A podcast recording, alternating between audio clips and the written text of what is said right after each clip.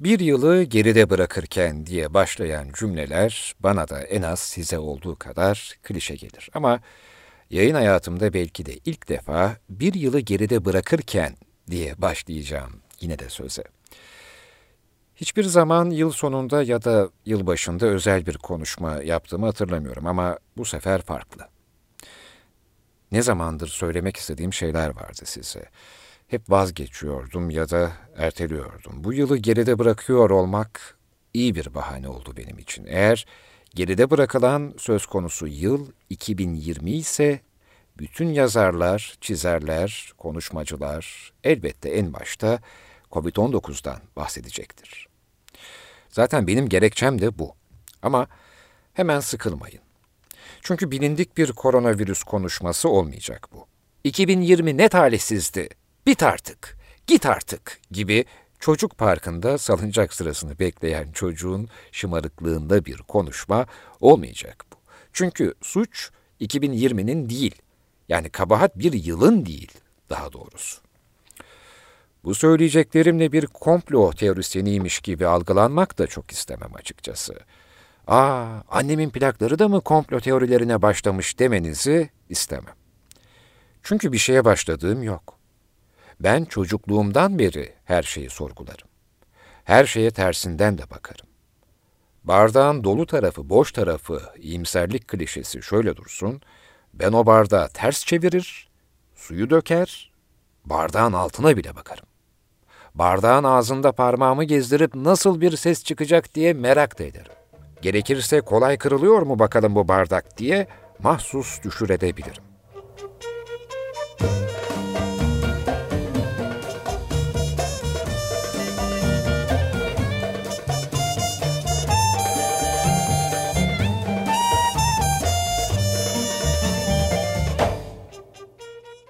Evet, ben bir komplo teorisyeni olamayacak kadar yeri geldiğinde kendini de manipüle eden biriyim bazen. Ama ben ilk gençlik yıllarımdan beri Amerika'nın aya çıktığına bile inanmayan biriyim. Öyle ki yayınlarımda dünya ile ilgili inanmadığım şeylere çok da yer vermedim. Çünkü biliyorsunuz artık her konu bir algı meselesi, bir kutuplaşma sebebi sayılır oldu. Bu yüzden bu özel bölümde söyleyeceklerimden sonra birçoğunuz belki de bana tepki gösterecek, benimle ters düşecek. Diğer bir deyişle bana gıcık olacaksınız. Nereden biliyorum?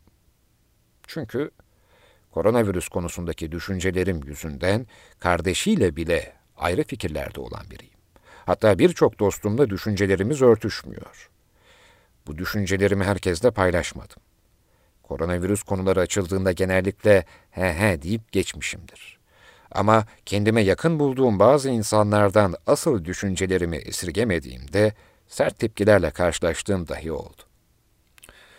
Şimdi diyeceksiniz ki, e neymiş düşüncelerin o zaman? E, anlat hele bir türlü giremedim bir konuya.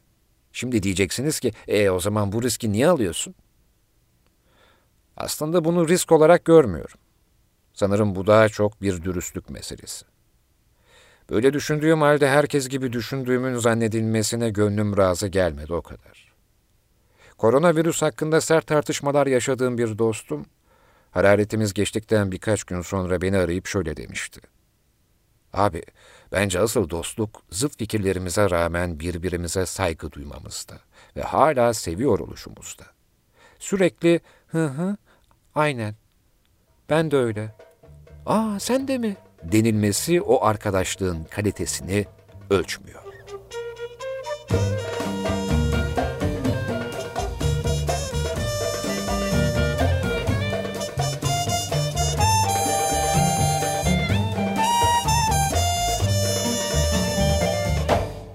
Evet, söze şu vurucu cümleyle başlayayım artık. Ben tüm bu koronavirüs olaylarının bize yansıtıldığı gibi olmadığını düşünüyorum. Yeterince vurucu olmadı mı? O zaman şöyle diyeyim. Ben hastalığa inanıyorum ama koronavirüs diye bir şeye inanmıyorum. Annemin küçüklüğümüzden beri hep söylediği bir söz vardı. Grip öyle basit bir rahatsızlık değildir. İnsanı ölüme bile götürebilir. Ama insanlar yıllar yılı alıştı. Biraz grip olmuşum deyip geçiştiriyoruz. Hatta hatırlar mısınız eskiden gripin adlı ilaç bakkallarda bile satılıyordu. Evet. Evet her ne kadar ciddi bir hastalık konusu olsa da bu nostalji yapmayacağı manasına gelmiyor. Zaten elimde değil. Neyse demem o ki sevgili anlayıcı, bana göre hayatımız boyunca yakalandığımız hastalıklar, çevremizde hastalanan insanların yaşadıkları ve çeşitli hastalıklardan ölen insanların hikayeleri zaten hep vardı. Yıl 2020 olduğunda yaşanan tüm sağlık sorunlarına genel bir ad verildi. Ona COVID-19 dendi. Şimdi öyle uzun uzun geçen yılların hastalık ve ölüm sayıları istatistiklerine de girmek istemiyorum. Yani TÜİK'tir, Dünya Sağlık Örgütü'dür falan ama en azından bugün itibariyle koronavirüsten öldüğü telaffuz edilen kişi sayısıyla zaten bir yılda hastalıklardan ölen kişi sayısı arasında çok fazla bir fark yok. Gribal enfeksiyonlar, influenza, koa, ciğer hastalıkları, solunum yolu enfeksiyonları, zatüre ve buna benzer birçok hastalık önceki yıllarda da olduğu gibi yine yaşandı. Bulaştığı kadar bulaştı. Atlatan da oldu, ölendi.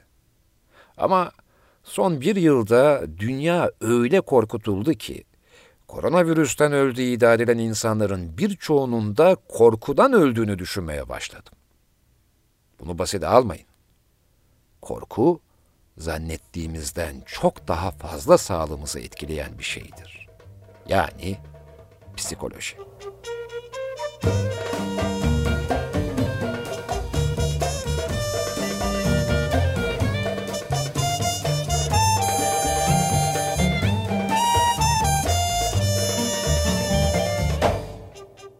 En çok anlamadığım şeylerden biri de maske. Hemen şimdi, aa maskeye de mi karşısın demeyin. Bilakis ben neden maske COVID-19'dan beri kullanılıyora karşıyım asıl. Neden maske daha önce kullanılmadığında kimse tepki göstermiyordu da, şimdi yolda yürüyen insana bile linç kampanyası başlatılıyor diyorum.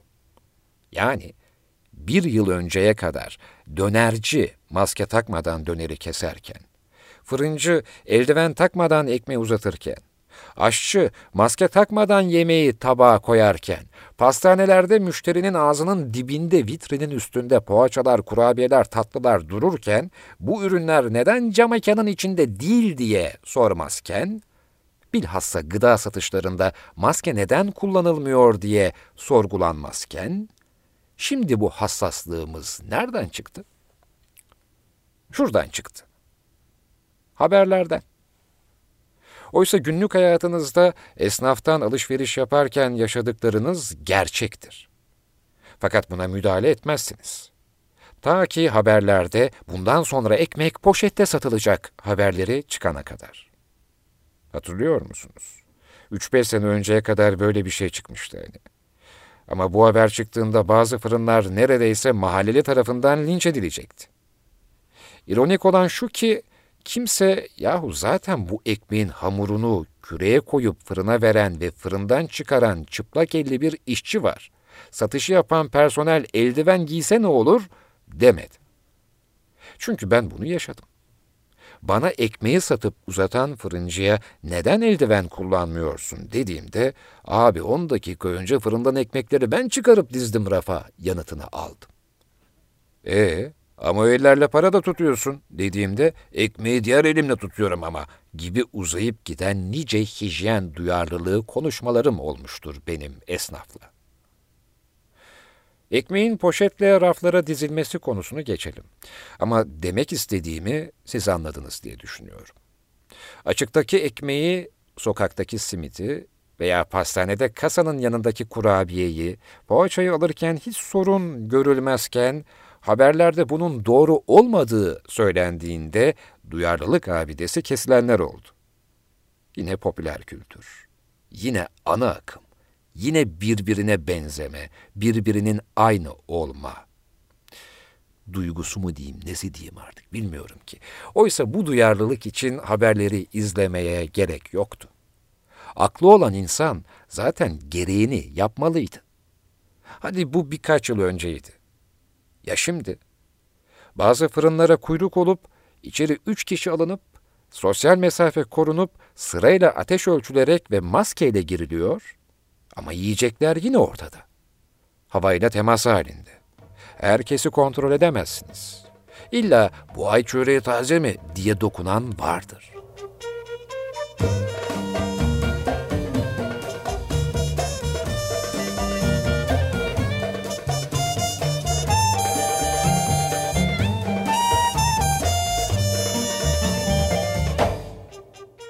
Ve başka bir soru. Sosyal mesafe olması için illa koronavirüs diye bir illetin mi çıkması lazımdı? Adını bir kez daha gözden geçirelim. Sosyal mesafe. Yani virüs mesafesi değil. Ben kendimi bildim bileli bir sıraya girdiğimde insanlarla arama zaten mesafe bırakırdım. Toplu taşım araçlarında eğer sıkışık biriyle yan yana oturacaksam oturmam, ayakta giderdim. Ya da kaldırımdan yürürken sağdan yürürüm ve karşıdan gelenin rahat geçmesi için kenara çekilirim. Elimdeki poşetleri önüme alırım falan ne bileyim. Bir nalbura gireceksem kalabalıksa biraz kapıda beklerim. Bu her şeyden evvel ahlaki bir anlayış değil midir? Kırk küsur sene evvel benzin kuyruklarından, yağ kuyruklarından sonra hiç mi o sıkışıklık yerini biraz daha medeni ve sakin kuyruklara bırakmadı? Toplu taşım araçlarına sosyal mesafenin ahlaki yanı adına hiç mi kaide getirilemedi? Yani en basitinden söylüyorum. Minibüs ya da otobüs gibi bir toplu taşım aracında bir saat o koltuğa oturmuş insanın kalktığı yere, onun sıcağına otururken hiç mi canınız sıkılmadı? Üstelik her koltukta öyle metrolardaki falan gibi mika değil, kadife. Ama bizim insanımız sıkışıklığı sever. Öyle olmasa Asmalı Mescit gibi kim kime dumduma ayakta kıç kıça bistro masalarda eğlenmeyi sever. İster yolda olsun, ister bir şeyin kuyruğunda, toplu taşımda ya da eğlence yerinde birbirine değilmesinden, dokunulmasından çok da rahatsız değildi bu toplum. Sinema ve tiyatroların koltuk aralarının neden o kadar dar olduğunu bile sorgulamadık. Oturduğunuzda sizden sonra gelenlerin herkesin dizlerine sürte sürte yerine geçmek zorunda olması da mesele değildi. Hem birileri yapımcılar Mısır'ı, sinema bileti fiyatlarını falan sorun etti ama kimse izleyicinin o koltuklarda rahat oturabilmesi için bir sıra koltuğu seyreltip daha da rahat oturmalarını sağlamak adına hiçbir şey yapmadı o yönetmenler, o oyuncular, o yapımcılar. Peki bütün bu saydıklarım bir yıl önceye kadar gayet bu şekildeyken hiç mi bulaşıcı hastalık yoktu? En bilineni ve yaygını grip olmak üzere kimse neden imtina etmiyordu? Domuz gribi yaşanmamış mıydı? Kuş gribi gelip geçmemiş miydi? Ebola yok muydu? SARS yok muydu? HIV yok muydu? Toplum yaşamında birbirimizle aramıza fiziki mesafe koymak için bir virüse mi ihtiyaç vardı? Ve biz karşılaştığımızda el sıkışıp öpüşmeyi adet haline getirmiş bir toplumuz. Üstelik sadece yakınlarımızla da değil. En gereksiz gördüğüm şeylerden biridir. Bir yıl önceye kadar selamlaşma olarak iki yanaktan birbirimizi öpmenin ne kadar saçma olduğunu neden sorgulamadık? Market kuyruğundan poşetleriyle sırtınıza, bacağınıza değen insanlara tepki gösterdiğimizde sizi rahatsız mı etti? Ama ne var canım market sonuçta teskinleriyle karşılaştığımızda neden ille de rahatsız olmak için bir çirkinlik olması gerekiyordu? Bedenin mahremiyetine inanan insanların kendisine dokundurmama hakkını kullanması için koronavirüsün mü ortaya çıkması gerekiyordu? Sanırım bu dönemde beni tek memnun eden şey sosyal mesafe. Toplumun haddini bilmesi için bir takım cezalar gelmesi mi gerekiyordu? Kimin nerede duracağını bilmesi için, herkesin yeni bir ortak bilince ermesi için bir virüs mü gerekiyordu? Sakın bana ne yapalım nüfus kalabalık demeyin. Ben de size 2011'de Fukushima'da nükleer santral kazası olduktan sonra insanlara yemek dağıtan aşevlerinde sıraya girişleriyle medeniyetlerini konuştuğumuz insanları size hatırlatırım. Japonya'da ne sosyal mesafe kanunu vardı ne de salgın hastalık. Ama kazazedelere yemek dağıtıldığında kendi görgüleriyle aralarında mesafe bırakarak kuyruğa girdiler. O yokluğa rağmen, aç olmalarına rağmen izdiham yaratmadılar. Ama bizim ülkemizde ucuza kavanoz kapağı satıldığında bile insanların nasıl üst üste çıktığını gördük. 2020'den bahsediyoruz ya bir yılı geride bırakırken. Ha işte size söyleyeceğim haberlerden biri bu. Kimin şampiyon olduğu veya ne bileyim işte bu bildiğiniz haberler haberlerden değil. Ya da bilip de neyse. Hem de bu pandemi döneminde. Dolayısıyla sen ne anlatıyorsun be adam? Nüfus kalabalık demeyin. Şu karikatürdeki gibi millet aç aç diye bir karikatür vardır ya. Demeyin. Mesele nüfus sayısı ya da geçim sıkıntısı değil. Mesele yoğun şehirlerde olsa medeni yaşayabilmek.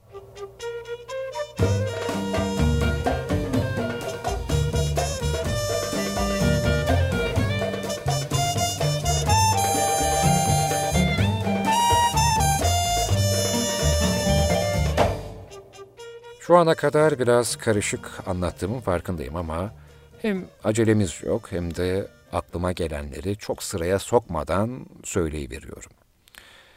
Yine de illa bir ana fikir olacaksa şöyle diyebilirsiniz. Korku virüsten daha bulaşıcı.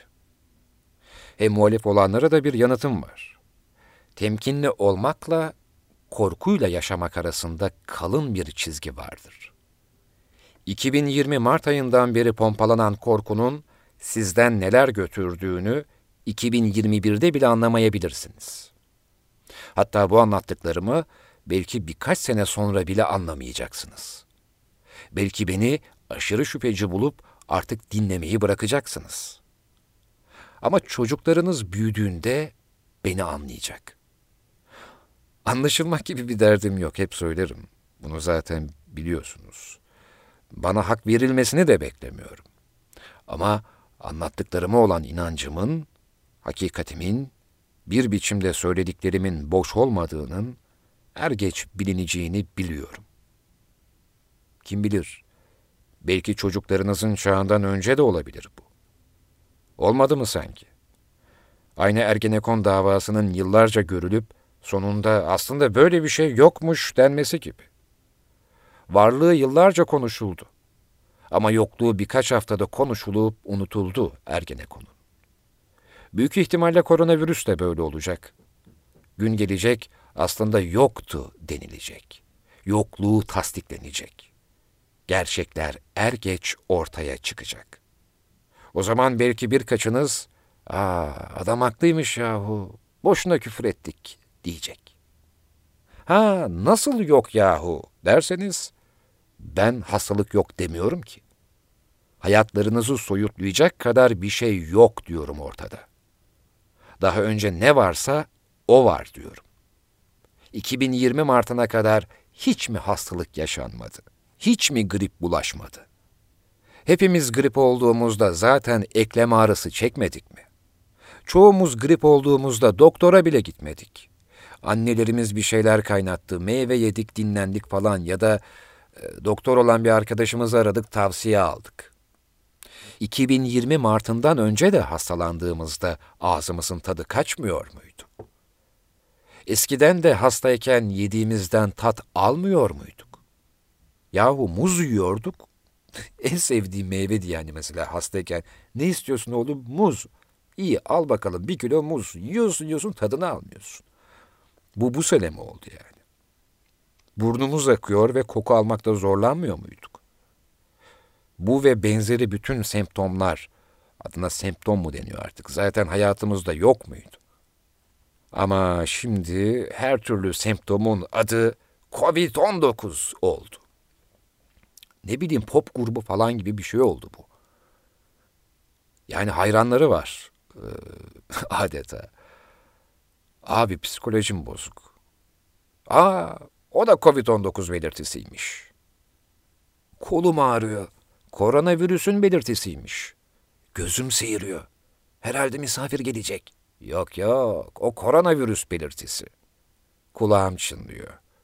Biri beni anıyor. İyi mi anıyor, kötü mü anıyor? Yo, seni koronavirüs anıyor. Aklım karışık. Koronavirüs zihin bulanıklığı da yaratıyormuş. Sevgilimden ayrıldım. Aşk acısı çekiyorum. Hep koronavirüsün işleri bunlar. İş yerinde arkamdan çok konuşuluyor. Vesvese yapmak da koronavirüs belirtisiymiş. Kabetlerim sızlıyor. O da koronavirüsten. Hah bir o kalmamıştı. ben bunlara şaşırmıyorum ama etrafımdaki kimse de yahu ben kendimi bildim bileli buna benzer rahatsızlıklar zaten yaşadım demiyor. Sanki herkes 2020'de ilk defa hastalanıyor. Sanki 2020'ye kadar ölümsüzlük vardı. Şimdi birden ölüm diye bir kavram çıktı ortaya ve tek sebebi koronavirüs. Elbette. Hassas bir konu, farkındayım. Şu an beni dinleyenleriniz arasında yakınını Covid-19'dan kaybedenleriniz mutlaka vardır. Alınmasınlar. Ama söyleyeceklerini söyleyip sonra hissiyatı olanlara yaranmak için tavrımı değiştirmeyeceğim. Zira benim de çevremden yakınının ölüm raporuna Covid-19 yazılan çok insan var. Soruyorum, kaç yaşındaydı babaannen? 98. Neden öldü? Koronavirüsten. Ah ya. Eğer Covid-19 diye bir illet olmasaydı belki yüzü görürdü. Soruyorum. Neden öldü deden? Ciğerleri rahatsızdı yıllardır. Ölüm raporuna Covid-19 yazılmış. Yıllardır kalp hastası olan, kanserle savaşan insanlar her yıl olduğu gibi 2020'de de Hakk'ın rahmetine kavuştu. Ve çoğunun ölüm raporuna Covid-19 yazıldı. Biraz şüphelenenler oldu ama yakınlarını kaybetmenin üzüntüsünden, tuttukları yasın ağırlığından bunu çok sorgulayamadılar. Eğer insanlar 2020 yılına kadar hiç hastalanmayacakmış, hiç ölmeyecekmiş gibi yaşadılarsa, bunca olumsuzluk nedendi? Öyle ya, kişisel gelişimcilerin, bir takım işte sağlık uzmanlarının zihinlerinize zerk ettiği de bu değil miydi? Hiç ölmeyecekmiş gibi yaşa, hiç hastalanmayacakmış gibi organik beslen, ye, gez, oku. Peki neden ben bu toplumlarda bir bilgelik göremedim? Neden kimse tekamüle ermedi? İnsan ırkı hastalıksız ve ölümsüz yaşayıp bir anda 2020'de hastalanmaya ve ölmeye mi başladı? Ve yine ne ironik ki 2020'nin başlarında bir tanıdığımızın koronavirüs olduğu haberi geldiğinde şaşırıyor, aranızda falanca da Covid olmuş diye konuşuyordunuz. Yılın sonuna doğruysa hiç Covid olmayanlar tuhaf gelmeye başladı bu sefer. Aa falanca hiç Covid olup karantinaya girmemiş, test bile olmamış. İlk başlarda bir ay, sonra 14 gün, Sonra 10 gün, sonra bir hafta olan karantina sürelerine ne demeli peki? Özellikle ben bunu futbol takımlarında gözlemledim. 14'ten bir anda bir haftaya düştü öbür maça yetişsinler diye. Mutasyon geçiren virüs değil. İnsanlara söylenen yalanlar. Gelişim gösteren tek şey de algılarınız. Algı operasyonlarına göre bağışıklığınız gelişmediği sürece her türlü hastalığa yakalanacağınıza eminim.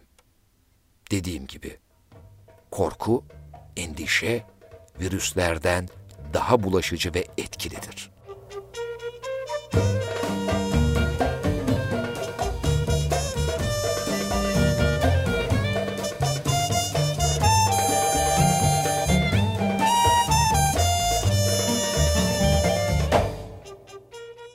Evet, bu işler benim cenahımda böyle. Böyle bir yılbaşı özel eğlence programı mı olacaktı diye bekliyordunuz bilmiyorum ama zaten bugünkü duyurumda öyle olmayacağını belirtmiştim. Ama duyurumu görmeden hemen podcast'ten dinlemeye başlayanlarınız varsa öyle olmayacağını, olmadığını zaten şu ana kadar anlamışsınızdır.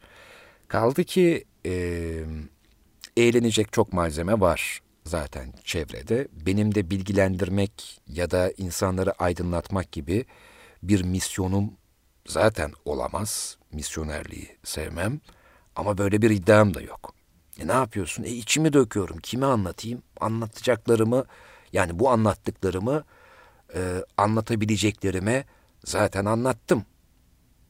Yıl sonuna geldiğimde de özel bir şey yapma içgüdüsü değil ama böyle bir şey oluştu bende. Dedim ki bunu anlat onlara. Madem anlayıcı diyorsun onlara, dinleyiciden önce anlayıcı diyorsun, anlat onlara. Anlasınlar diye değil. Sen onların anlatıcısıysan anlat onlara. Bu işler benim cenahımda böyle. Kimseye bir şey empoze etmeye çalışmıyorum. Herkes istediğine inanır ve seçtiği şekilde yaşar. Ama ben Covid-19 yaygarasının hayatımı ele geçirmesine izin vermemeyi seçtim. Artık öyle haberlerle vakit kaybetmiyorum. Bir hasta olursan görürsün, bir yakının hastalanırsa görersin dediğinizi duyar gibiyim. Görersin özellikle çocuk gibi söyledim öyle daha etkili oluyor. Görersin sonra. Evet gördüm merak etmeyin. Ocak 2020'de ciddi bir zatürre atlattım. Kardeşim, akrabalarım, yakın arkadaşlarıma Covid teşhisi de kondu. Ama kardeşimle telefonda konuşurken ona hep olumlu şeyler söyleyip en çok korkmaması telkininde bulundum. Moral çok önemliydi. Bilgisayarda oyun oyna, sevdiğin şeyleri yap ve lütfen koronavirüs haberlerinden uzak dur reçetesini yazdım ona, kardeşime. Annem zaten yeterince vitamin yüklemesi yapıyordu, ona iyi bakıyordu. Ben de manen bir şeyler vermeye çalıştım. Bense Ocak 2020'de zatüre olduğumda neler yaşadığımı anlatmayayım bile. Sabah akşam iğne vuruluyordum. Bırakın bunalıma girmeyi halüsinasyon bile görüyordum. Doktorum bu hastalık kurt gibidir demişti. Gündüz sakin ve daha iyiydim. Ama geceleri ateşler içerisinde yanıyordum. Kemiklerim eklem yerlerinden kopacak gibiydi. Buna rağmen iki ay sonra Mart'ta koronavirüs terenesi çıktığında ben hiç ''Aa ben demek ki bu hastalığı atlatmışım'' demedim. Demedim yahu. Şimdi beni dinleyen arkadaşlarım ''E Çetin konuşuyorduk. Sen demek ki koronavirüs olmuşsun Ocak ayında dediğimizde sen de evet sanırım öyle demiştin.'' demesin. Bu mevzuyu uzatmamak için verdiğim bir yanıttı o. Bugünkü bölümün başında da demiştim zaten. Covid-19 ile ilgili muhabbetleri he he deyip geçiyorum diye. Ve şu an sizi duyuyorum.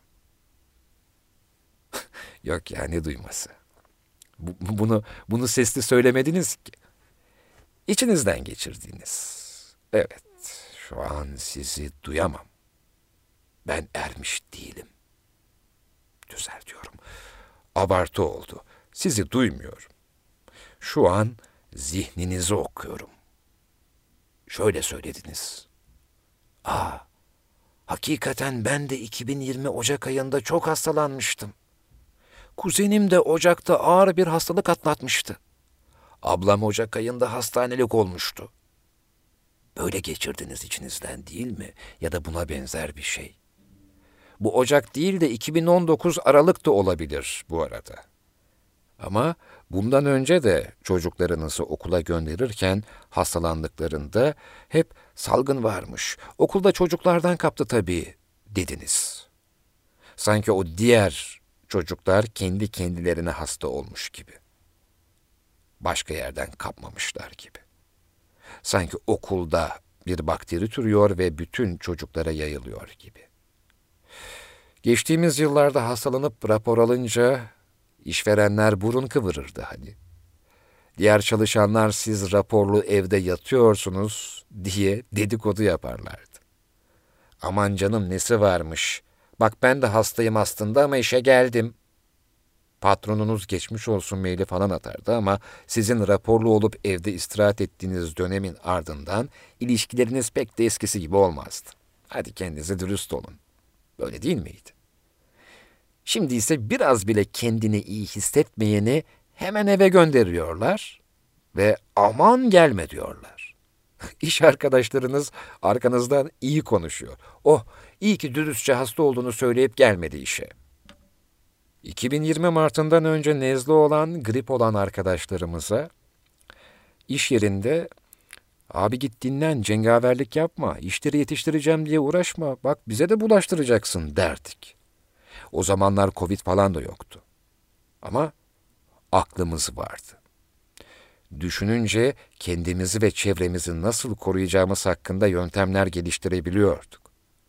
Ve bunu dostça söylüyorduk, iyilikle. Şimdi ise insanlar birbirine Covid yüzünden bazen düşmanca davranıyor. Farkında mısınız bunun? Covid terenesinden önce de halkın kutuplaşması için siyasi ve dini birçok konu ortaya atılırdı. Ama sonunda öyle bir yöntem bulundu ki hangi inançtan ya da siyasi partiden olursanız olun, önce aynı kutupta yer alacaktınız, sonra aynı siyasi görüş ve inançtan olsanız bile Covid konusunda karşı karşıya gelecektiniz ya da getirilecektiniz.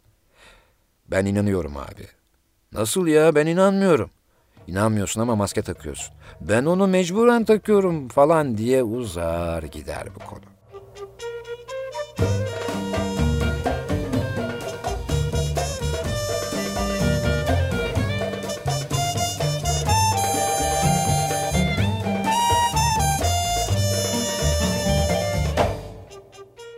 Şu meşhur kuzularla kurt hikayesini bilirsiniz. İki kuzuyu iki ayrı kafese koyarlar. Kuzular aynı yaşta, aynı kiloda, aynı cinstir ve aynı yemlerle beslenir. Tüm şartlar eşittir.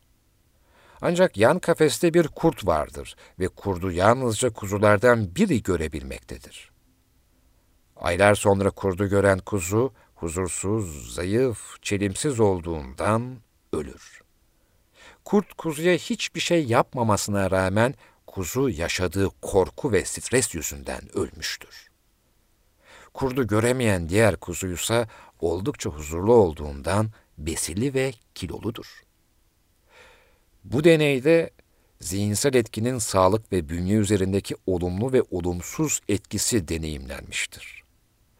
Gereksiz korku, endişe, kaygı stresin insan bünyesine verdiği zararı hiçbir şey veremez. Bu salgın günlerinde belki de en çok üzerinde durmamız gereken şey de korku, endişe, kaygı, stres ve paniktir. Üstelik kendiniz ve çevrenizin sağlığı için. Çünkü evde sürekli vesvese yapan bir baba aileyi mutsuz eder. Evde sürekli her şeyden korkan bir anne aileyi mutsuz eder. Evde iyice eve kapanıp dışarı çıkma saatlerinde bile dışarı çıkmayan gençler, çocuklar aileyi mutsuz eder. Önce kendileri, sonra çevreleri hastalanır. Bunun sadece Covid ile ilgisi de yok. Aşırı titiz insanlar çevresini mutsuz eder.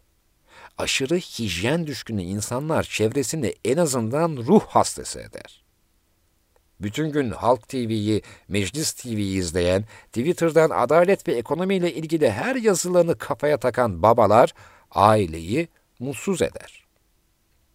İnsan kendini televizyonların haberlerinden ve başkalarının fikirlerinden zenginleştiremez, geliştiremez. İnsan bilgiyi almalı ama kendi aklını kullanmalı. Yeri geldiğinde sağduyu, yeri geldiğinde ön sesi. İnsanım diye övünme. Hayvani ön seziler canlı yaşamını ayakta tutar. Ne tuhaf. Ne tuhaf ki ne tuhaf, Covid-19 başladığında bütün dünya ülkeleri ilk kez aynı anda adeta birleşti. Kiminiz biliyorsunuzdur ben aynı zamanda haber spikeriyim. Olayları ister istemez her sabah yakinen takip ettim. Daha Mart ayının ikinci haftasında muhtemel koronavirüs aşıları fiyatlanmaya başlandı. Önce birleşen dünya, sonra kıta kıta ayrı ilaçlar, aşılar buldu. Rusya, Çin ayrı aşılar buldu. Sonra bir Türk hekimin ABD'li bir ilaç şirketiyle birlikte bir aşı geliştirdiği söylendi. Ama ama Türk hekimin memleketine aşılar bulunduğu kıtadan ve ülkeden değil, Çin'den geldi. Türk hekimin çalıştığı şirketten gelmedi. Zaten aylardır testi yapılan bu aşılar yine yeni bir teste tabi tutulacak dendi zebil gibi gelmesine rağmen ülkemize. Üstelik bu bilgi de dün açıklandı. Ama ben size daha eski bir şey söyleyeyim. Yalan olmasın ama sanırım şu eski meşhur grip aşıları 20 yıldır falan var değil mi? Hani eczanelerin camlarında görürdük. Grip aşısı geldi yazılarını görürdük. Şöyle A4 kağıdını büyük puntolarla yazarlardı. Printer'dan çıktı alıp cama bir şeyler asılırdı ve insanlar gidip ben de aşı olacağım derlerdi.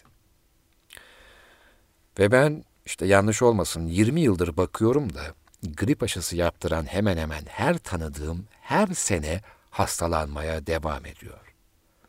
E hani sen grip aşısı olmuştun dediğimde iyi de ben grip değilim ki. Bilmem ne virüsü varmış, o bulaşmış, bu yeni bir virüsmüş falan yanıtını alırdım.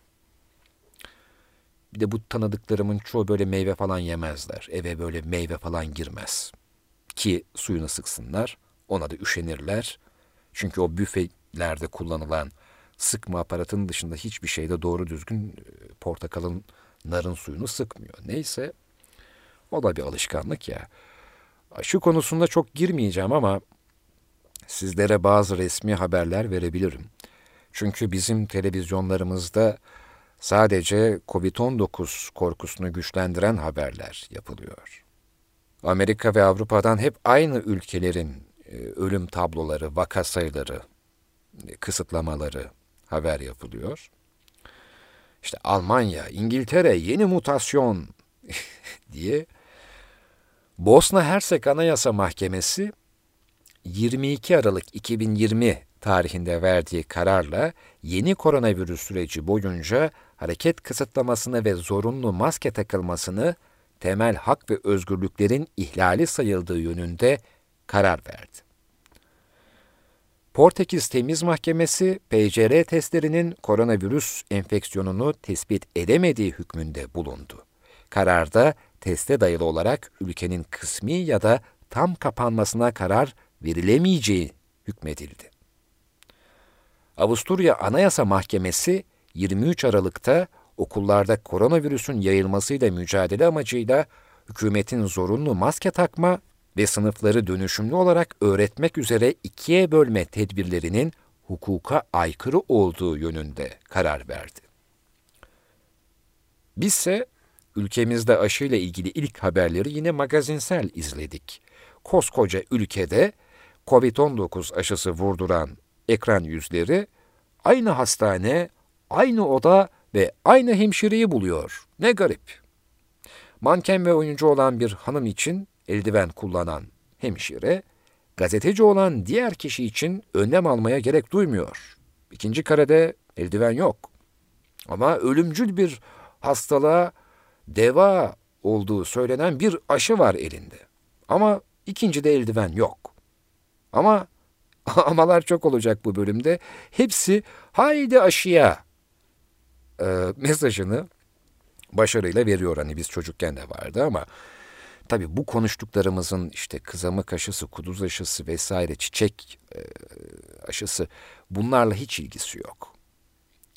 E, aşıyla ilgili bir şey söylemiyoruz aslında. Olayları anlatıyorum size.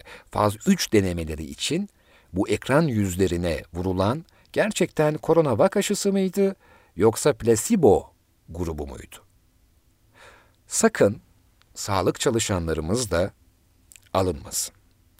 Şimdi ona alınmasın, buna gücenmesin diye diye bir şeyler anlatmak çok zor. Kimse emeğinizle ilgili bir şey söylemiyor. Sizler sadece personelsiniz, emekçisiniz, ekmeğinizin peşindesiniz. İnsanlar sağlıklı olsun diye de fedakarsınız. Eyvallah. Bu yayını dinleyen sağlık personeli lütfen başka bir şeyden bahsettiğimin idrakında olsun. Çünkü bu podcast'ten sonra sosyal medyadan falan bu konuyu uzatmayacağım ben. Bu bölümde anlattım ve bu bölümde kalacak olacak. Birileri gibi Twitter'dan laf atışmaları başlatmak için kullanılacak malzeme olmamalı bu anlattıklarım. Hiçbir suçlamayla uğraşamayacak ve kimseye yanıt veremeyecek kadar da meşgulüm. Bunu da biliyorsunuz zaten. Tek istirhamım var o da sağduyuyla dinleyin, yeter.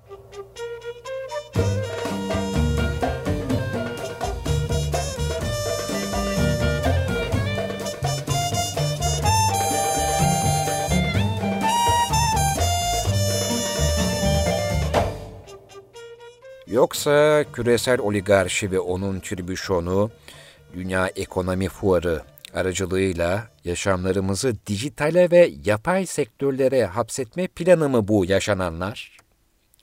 2020 acaba gezegenin hapishaneye çevrilmesi planı mıydı? Eğitimle zekayı birbirine karıştırmayın. Doktorası olan bir diplomalı olmanız, geri zekalı bir embesil olamayacağınız anlamına gelmez diyor Richard Feynman. Şimdi ben bunu söyleyince, o bilim düşmanı, profesörleri, profesörlere hiç saygısı yok mu diyorsunuz. Onu da duyar gibi oluyor. O zaman ben de size isim vermeye gerek duymadan geçenlerde bir profesörün aşı yaptırmak istemeyenlere aşı yaptırmam diyenler vatan hainidir. Onlara kız bile vermeyeceğiz dediğini hatırlatayım. Yine geçenlerde bir avukat televizyonlarda aşıyı reddedenin işten çıkarılabileceğini söyledi. Türk Ceza Kanunu'nda yeni bir maddeye gerek olmadan aşıyı reddeden birinin ölüme sebebiyetten yargılanabileceğini söyledi.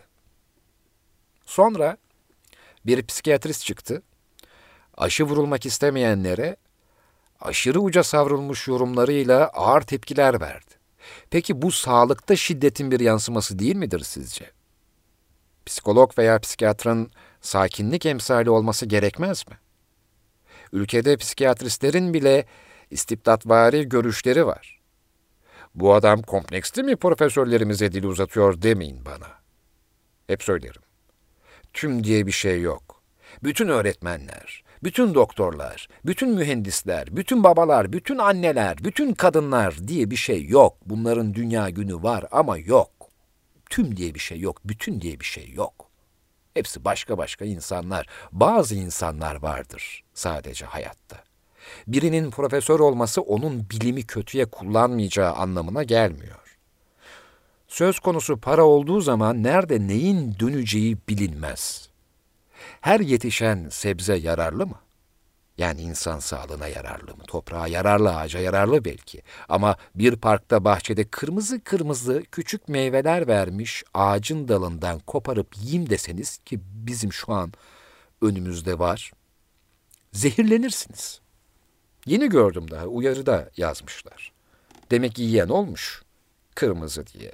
O doğa tabiat diye. Ama sana zararlı. Hakiki bir kestane balından fazla yerseniz kalbiniz durabilir. Ormanda toprakta yetişen mantar çok sağlıklıdır. Ama zehirlisi de vardır. İnsanlar da böyledir işte. Yani bilim kötü değil ama liyakatsız profesörler yok mu? Eğitim kötü değil ama çocuklara kötü davranan öğretmenler yok mu? Mühendislik iyi ama işinin ehli olmayan diplomalı kişiler yok mu? Mekanik kötü değil ama eve çağırdığınız su tesisatçısı bir T boru takmak için fahiş fiyat söylediğinde yuh demiyor musunuz? O kadar da para istenir mi ya? Alt tarafı bir tane T boru taktın. Doğa güzel ama insana zararlı bitkiler, meyveler yok mu? Bu yüzden ilim, bilim, eğitim adı altında dahi olsa insanların unvanı var diye her söylenene inanmak ne kadar doğru. Her unvan saygınlığı hak ediyor mu? Saygıyı hak ediyor mu? Biraz da bazen kendimizi aşağılamıyor muyuz? Okumuş adam tabii bilir demiyor mu?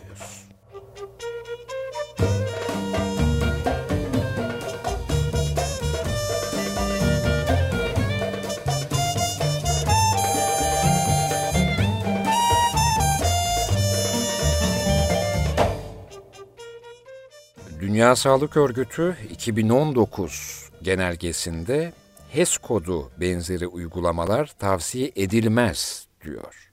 Karantinalara ise sıcak bakmıyor.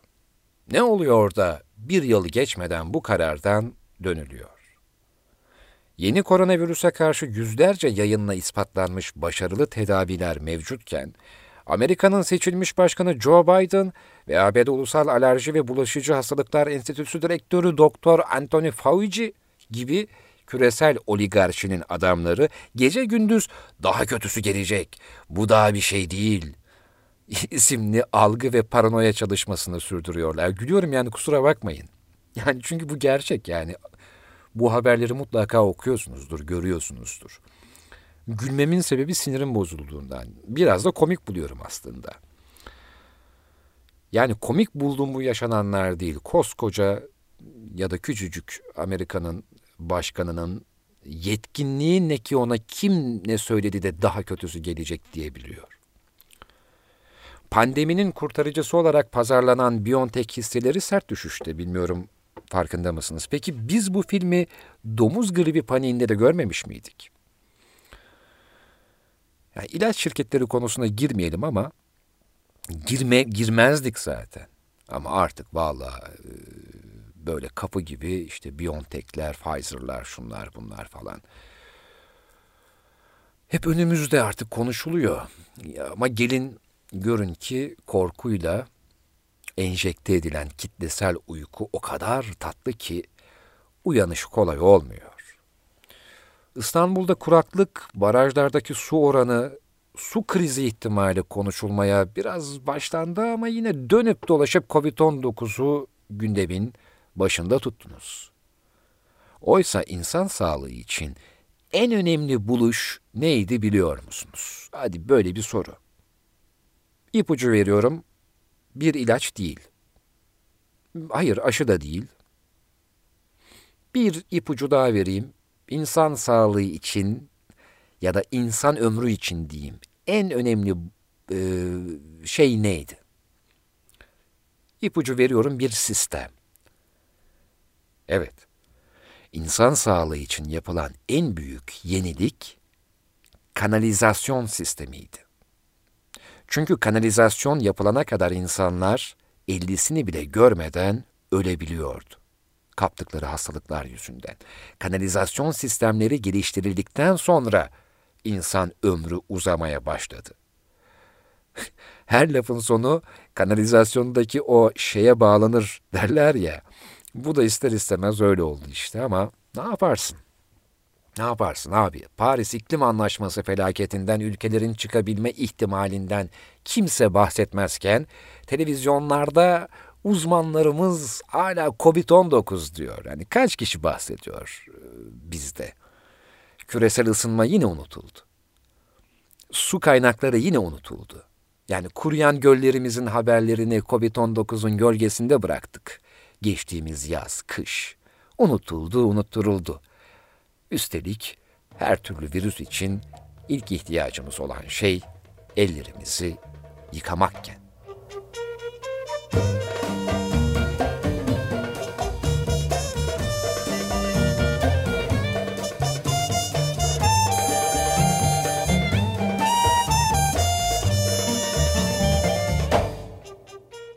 Bir yılı geride bırakırken geride bırakılan COVID-19 hikayeleri konuşuluyor aslında.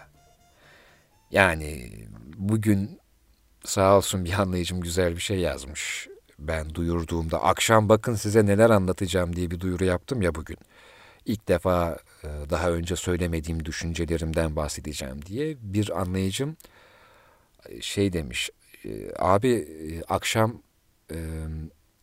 TRT'nin 80'li yıllarındaki yılbaşı e, özel programlarını izlemeyi planlıyordum. Ama şimdi e, seni dinleyeceğim demiş. Ben de dedim ki ya ne olur git önce onu izle. Gecenin ilerleyen dakikalarında sonra vakit ayırırsan beni dinlersin. Çünkü bunda çok eğlenceli bir şey olmayacak. Ama e, bugün eğer birçok insan tabii ki bir yılı geride bırakırken diye bir programa başladığında diğer konulara girmiyorum tabii ki deprem vardı, e, başka şeyler de vardı. Ama ilk konuşulan Covid-19 hikayeleri oluyor. Şahsen benim için 2020 yılı iyi geçti. evet iyi geçti. Yani bunu düşündüm. Hakikaten etkileniyoruz. Hani bit, 2020 bit, git falan. Yani tamam toplumsal anlamda kötü geçmiş olabilir ama senin için nasıl geçti? Yani bunu samimiyetle sordunuz mu kendinize? İnsanlar kendi adlarına bazı şeylere o kadar uyuşmuş bakıyor ki, sırf Covid-19 yüzünden 2020 yılının kötü geçtiğini söylüyor herkes. Peki senin için nasıl geçti? Bunu bir kez daha sor kendine. Hiç mi iyi şeyler olmadı? Yani biliyorsunuz Pollyanna'yı zaten sevmem de. Bir tekrar bir, bir, bir sökül bakalım ya, bir dökül, bir titre. Bir, yani bir kendine gel. Kendi hayatında ama yani senin hayatından bahsediyorum. Ülkeden değil, şehirden değil. Toplumdan değil. Toplumsal felaketlerden değil. Senden bahsediyorum. İyi rastlaşmalar, cesaret gösterdiğin olaylar, öğrendiğin bir şeyler, bir takım girişimlerim, yani ne bileyim seni hiç mi mutlu eden şey olmadı? Daha doğrusu seni seneden bir yıl olmadı mı bu yıl? Birçoğunuz biraz düşünmeye vakit ayırırsa, belki de zatı için 2020'nin 2019'dan bile daha iyi geçtiğini fark edebilir. Tabii, ''Aa ne iyi geçmesi be, ne gezebildik ne çıkabildik'' demezseniz ki umarım bu zaafla beni dinlemiyorsunuzdur.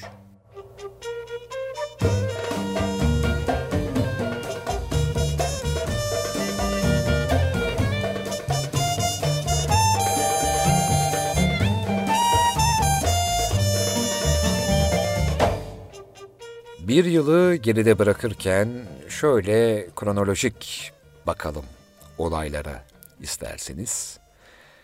E, şimdi asıl konuya geliyoruz gibi bir şey aslında. Böyle biraz madde madde gideceğiz. Hüseyin Çiloğlu'nun derlemelerinden de faydalanarak, söyleyemedim de faydalanarak e, ortaya şöyle bir süreç çıkıyor.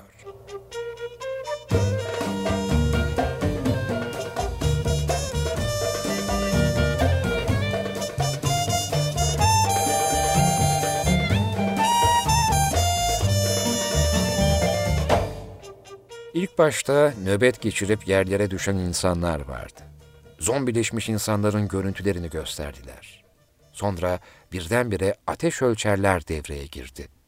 Tüm mekanlarda zorunlu oldu.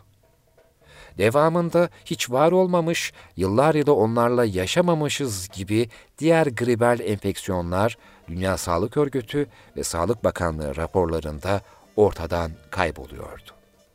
Adeta her yıl bu dönemde hastane acillerini dolduran influenza türevleri, üstadımız Covid-19 varken bize iş düşmez dediler. Birden ateş ölçme modası başladı. Mantar gibi her yerde ateş ölçümü ve Covid takip sistemi HES devreye girdi. Halbuki çok değil. Bir yıl önce Dünya Sağlık Örgütü genelgesinde bu uygulamalar bir salgın esnasında önerilmiyordu. Ama önemi yoktu. Zira kitle bunu araştırmayacaktı. Aynı Dünya Sağlık Örgütü nakit paranın da tehlikeli olduğu hükmünde bulunuyordu. Küresel fetva otoritemiz kağıt paraların virüs bulaş riskini arttırdığını söyleyerek toplumu uzak durmaya davet ediyordu. Zaten herkes çipli, pardon kartlıydı. Nakit para ise mikrop yuvasıydı. Uzmanlar da derhal ekranlarda biterek küresel fetvacımızı haklı çıkarma yarışına giriyordu. Ve bilimsel yayımlar birbiri ardına çıkıyordu. Çıkıntılık yapan birileri tüm bunların oyun, ploy olduğunu söylüyor ama sesleri duyulmuyordu. Halkı gündüz ve gece bilgilendiren ve her an vatandaşın peşini bırakmayan katil virüse karşı vaazlarını hızlandıran uzmanlar bu tür ayrıntıları es geçiyorlardı. Ama sorun değildi. Zaten bir defaya mahsus kapanma sonrasında düzlüğe çıkacaktık. Gerçekten de çıkacak mıydık?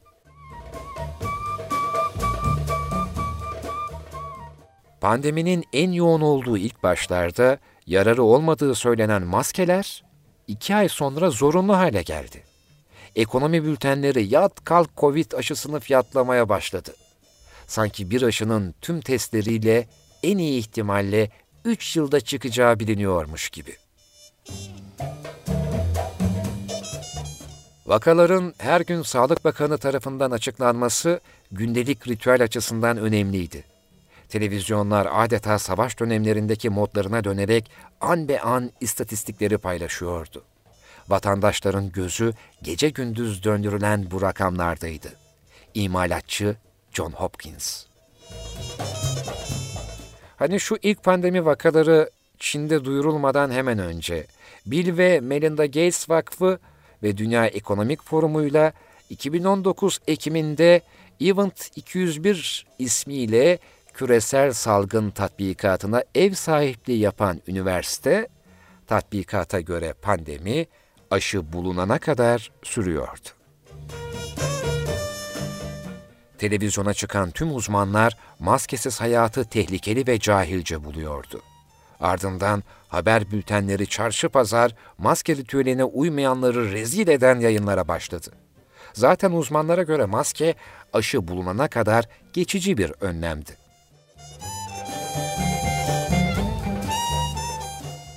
Maske, mesafe ve temizlik üçlüsü can kurtaranlar olarak zamanın ruhunu temsil etmekteydi. Bu kutsal üçlüye karşı über ölümcül virüsün tesiri olamıyordu. Uzmanlar böyle diyordu. Esnaf, öğrenci ve dar gelirliler ne olursa olsun razıydı. Yeter ki virüs bitsindi. Eski normal.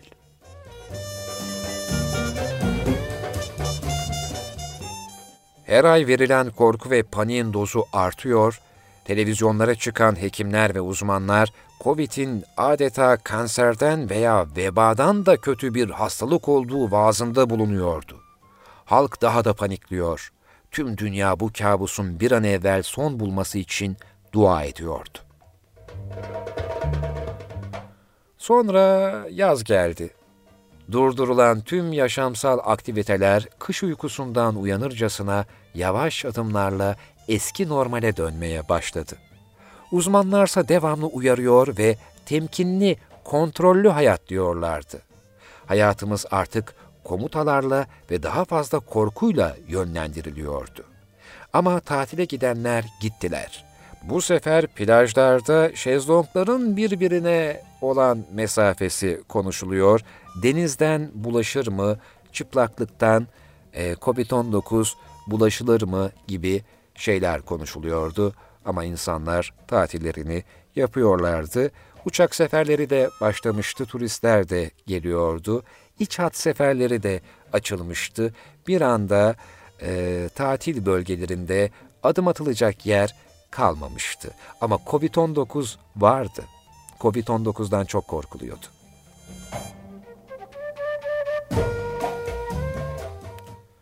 Hükümetler özellikle de dünya tedarik zincirinin iki buçuk ay süresince bozulmasından kaynaklı komaya girmiş olanlar, turizm sezonunu iple çekiyordu. Bu dönem Türkiye için 30 milyar dolar, İtalya, İspanya ve diğerleri için kat be kat fazlası anlamına geliyordu. Fakat yine uzmanlar devreye girerek meşhur sosyal mesafenin ne kadar önemli ve hayat kurtaran bir şey olduğuna değiniyor ve temkinli normali salık veriyorlardı. Resmi fetva makamı bilim kurulu yapılacaklar ve yapılmayacaklar listesini gün be gün ekranlardan duyuruyordu.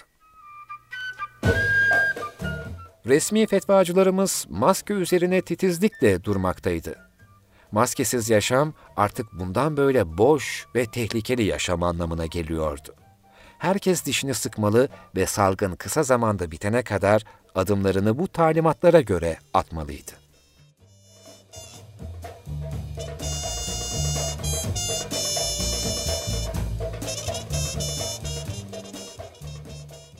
Halk bu yasakları büyük bir sevinç ve coşkuyla karşılıyor, kendisine mikrofon uzatılan hemen herkes bu yasakların hayat kurtardığını ciddiyetle ve heyecanla anlatıyordu.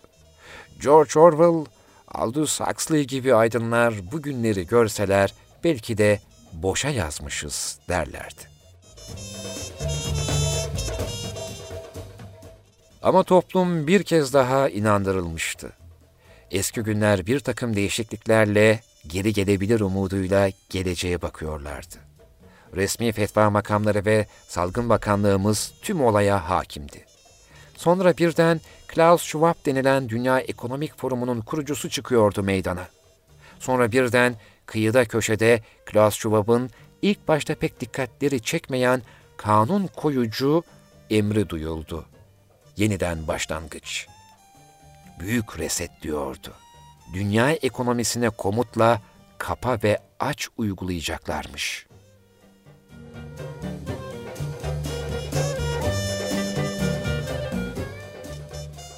Ahali elbette bu tarz konuşmaları önemsemezdi.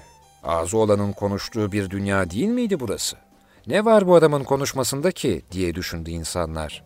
Bize fetva makamımız tüm söylenenlere uyarsak aydınlık günlerin hemencecik gideceğini vaat etmişti. Önemliydi.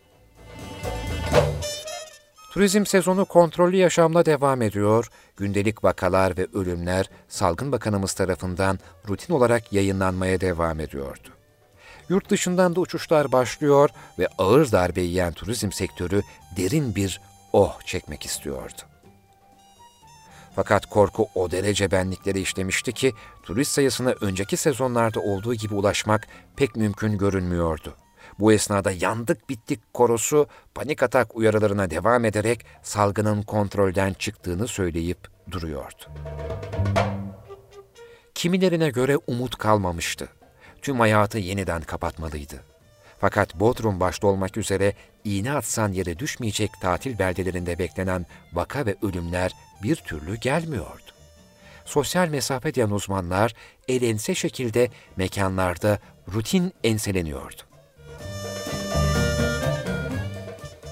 İl Hıfzı Sıha Müdürlüğü kararı diye başlayan anonslar dip dibe uçulan uçaklarda duyuluyordu. Her zamanki gibi büyük şehirlerde metrobüs ve metrolar işine gitmeye çalışan insanlarca hınca hınç doluydu. Vaka aşağı, vaka yukarı, öldük bittik nidalarıyla aylar geçiyordu.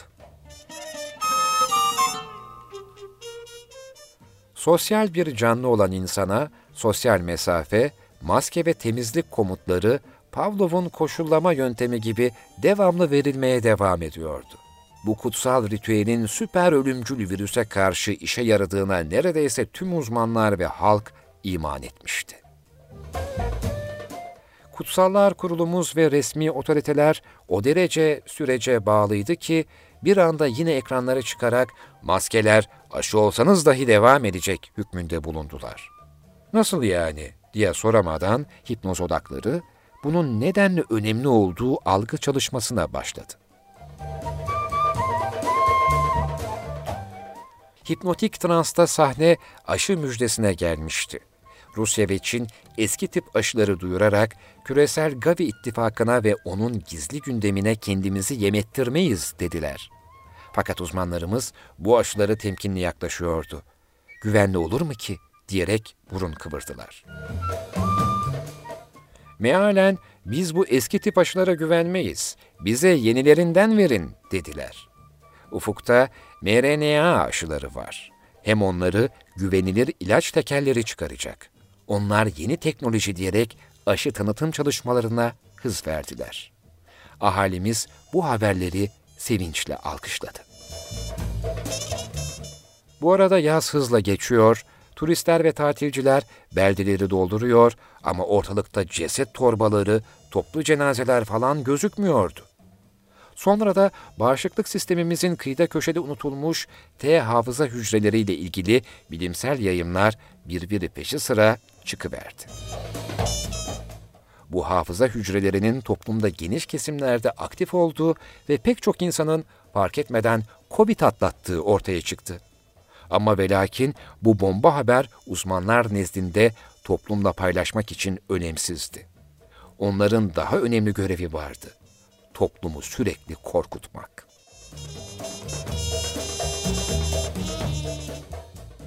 İnsanların zihnine adım adım akıl dışı hafıza özürlüğü safsatalıkları ektiler.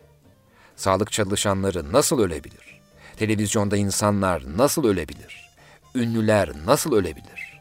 Patır patır ölüyordu insanlar. Bunlar da mı gol değildi? Kötü haber tez yayılırmış. Ama kazın ayağı hipnoz aparatlarının ve gece gündüz ters kodlama yapan algı operatörlerinin söylediği gibi değildi. Her yıl hastalıklardan ya da çeşitli nedenlerden kaynaklı 450 bine yakın insanımız hayatını kaybediyordu. Bu yılda yaklaşık olarak bu oranda insan yaşamını kaybetmiş olacak. Daha önce kalp, akut solunum yetmezliği, koah, kanser ve bunun gibi etkenlerden yaşamını kaybeden insanlar artık testleri hasbelkader pozitifse COVID-19 nedenli olarak ölüyordu. Haber bültenlerine yeni istatistik. Bu döngüyle virüs heyulası sürekli tekrarlanabilecekti. Ta ki yeni teknoloji ürünü Covax'in aşıları toplumun büyük bölümüne önümüzdeki en az 5 yıl süresince yapılana kadar. Bunlar günü gelecek zorunlu olacak dediğimizde ise damga hazırdı. Seni komplo teorisyeni seni. Korku içinde zihni hacklenmiş insanlar, nasıl olur böyle saçmalıkları topluma anlatırsınız, vicdanınız yok mu sizin? sorularıyla karışık ayar verme moduna bürünüyordu. Ta ki düne kadar. Dün haber bültenleri Kantas Hava Yolları'nın aşısız yolcu almayacağını duyurdu. Bu şok edici haber en önemli insan hakkı olan ve Dünya Sağlık Örgütü'nün kurulduğu 1948'deki insan bedeninin dokunulmazlığı ilkesine yönelik ilk yönergelerine aykırıydı. Sonra haber doğrulandı ve aşı yoksa uçuş da yok dendi.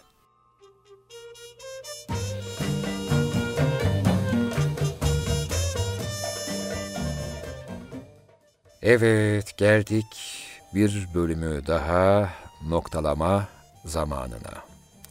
Hatta özel bir bölüm oldu. Öyle değil mi?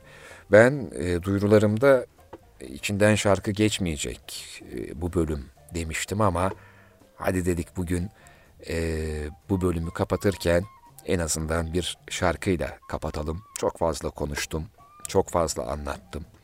Anlattıklarımın üzerine çok fazla bir şey söylemek istemiyorum. Ama bir yılı geride bırakırken işte yeni yıl mesajları falan vardır ya. Yani hepsi çok güzel tabii ki. İşte sağlık diliyorum diyenler, işte mutluluk, bereket vesaire. Bugün çok hoşuma gitti. Bisiklet tamircisi usta yoldan geçen komşusuna işte birbirlerine yeni yıl mesajları verirken ağız tadı olan bir yıl olsun gibi güzel bir temennide bulundu. Tabii güzel şeyler ama ben e, sizin için bir şey dilemiyorum. Bazen saçma geliyor böyle şeyler işte esenlik diliyorum ve sağlık diliyorum gibi. Yani benim sizin için çok fazla bir şey dilememe gerek olduğunu da düşünmüyorum. Ben şunu diliyorum. Sizin için en hayırlısını, en doğrusunu dilemenizi diliyorum. Kendiniz için en gerekli olan neyse, en iyisi neyse onu dilemenizi diliyorum. Öyle ya yani kiminizin maddi durumu oldukça iyidir, bereketten önce sağlık ister. E, kimisi e, sağlıktan önce bereket ister. Kimisi ağız tadının huzurun hepsinden daha da önemli olduğunu düşünür. Olamaz mı yani? Ya abi sağlığımız yerinde de huzurumuz var mı? Gel bir de bana sor. Diyenleri duymadık mı? Duymadı mı bu kulaklar? Kimisi huzuru öne alabilir. Tabii bu sıralamalar da çok dramatik olabiliyor yani şimdi e, herkes ne istiyorsa kendisi için neyi e, dileyecekse ben de her biriniz için öyle bir dilekte bulunmuş olayım. Ama dediğim gibi bisiklet tamircisinin temennisi çok hoşuma gitti. O yüzden bu bölümü e, kapatırken ben de öyle söylemek istiyorum. 2020'yi yavaş yavaş uğurluyoruz ya da uğurladık bilmiyorum siz bu bölümü dinlerken. Yeni yıl, yeni yıllar, yeni günler yani çok önemli değil. Bugün dedim ya yani kabahat 2020'de değil bit, bit artık işte 2020 git 2020 git istemiyoruz seni falan diye böyle ya yılın kabahati yok dedik zaten. Sayıların da bir kabahati. 20 kötü, 21 gelsin. 20 21 de kötü olacak ama 22'yi bekleyeceğiz falan. Bunlar değil. tamamen dediğimiz gibi bizim antenlerimizle ilgili, bizim yorumlarımızla ilgili, hayata bakışımızla da ilgili, seçkilerim, seç, seçimlerimizle ilgili bazı şeyler diye düş, düşünüyorum. Yorulmuşum da ya baksanıza amma konuştum yani artık dilim dönmüyor. Bu yüzden e, ben sözü e, biraz evvel içeri girdiğimde e, duydum ve dedim ki ben bu şarkıyla noktalayayım. Sezen Aksu'ya bırakayım. Hem de yıllardan bahsettiği bir şarkıyla. Bugünkü e, özel bölümü sadece podcast'ten dinlediniz. E, bu bölüm radyoda yayınlanmayacak çünkü çok radyo için, karasal yayın için falan biraz fazla özel oldu. Herkese açıp podcastlerde yayınlamaya karar verdim. Sadece Patreon'da değil, e, Patreon'dan destek vermeyenler de dinlesin diye. Ama verirseniz de tabii ki e, bölümlerin devamlılığı adına iyi olur. E, vallahi hiç böyle bir şey söylemeyecektim. Konu Patreon'a getirmeyeceğim diye hatta kendime demiştim ama geliverdi işte. Biraz da gelmesi gerekiyor. Yani seviyorsunuz, ediyorsunuz. Evet çok güzel şeyler yazıyorsunuz, çiziyorsunuz, dinliyorsunuz. Yeni bölümler, yeni bölümler diyorsunuz.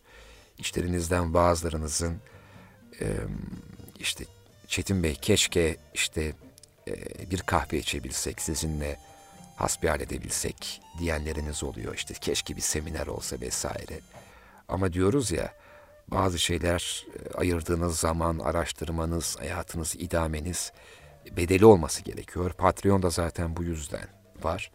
Ama bir kahve e, ikram etmek isteyenlerin bir kahve e, bedeli kadar dışarıda içilen bir kahvenin ücreti kadar e, bir şeyi çok gördüğünü de gördüm ben. İnce bir sistemdir aslında. Devam eder miyiz, etmez miyiz? E, bunu işte yıllar gösterecek. Eyvallah. Dönüşü yok beraberce karar verdik ayrılmaya. Alışmalı arkadaşça yolları ayırmaya. Şimdi artık gözyaşları gereksiz akmamalı. Alışmalı kendi yaramızı kendimiz sarmaya. Şimdi artık kelimeler yetersiz anlamı yok. Getirmişiz anılarla beraber faydası yok. Gel bunları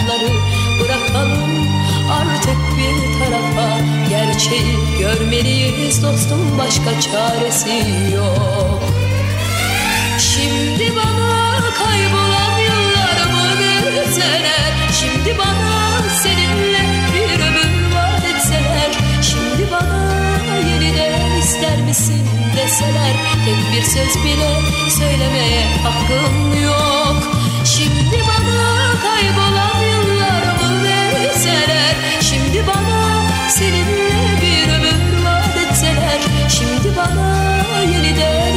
misin deseler Tek bir söz bile söylemeye hakkım yok.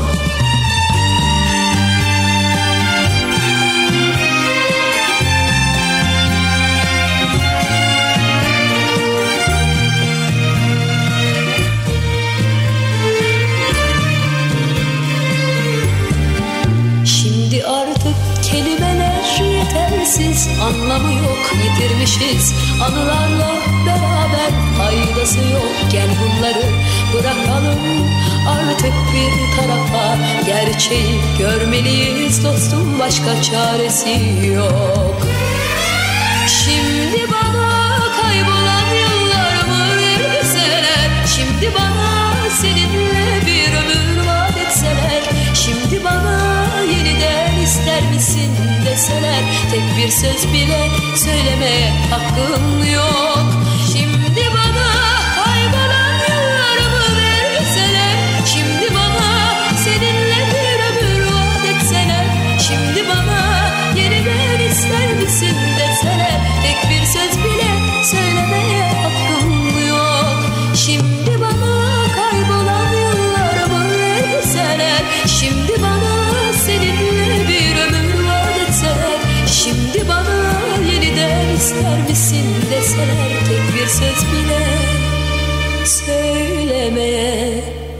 bile söylemeye hakkım yok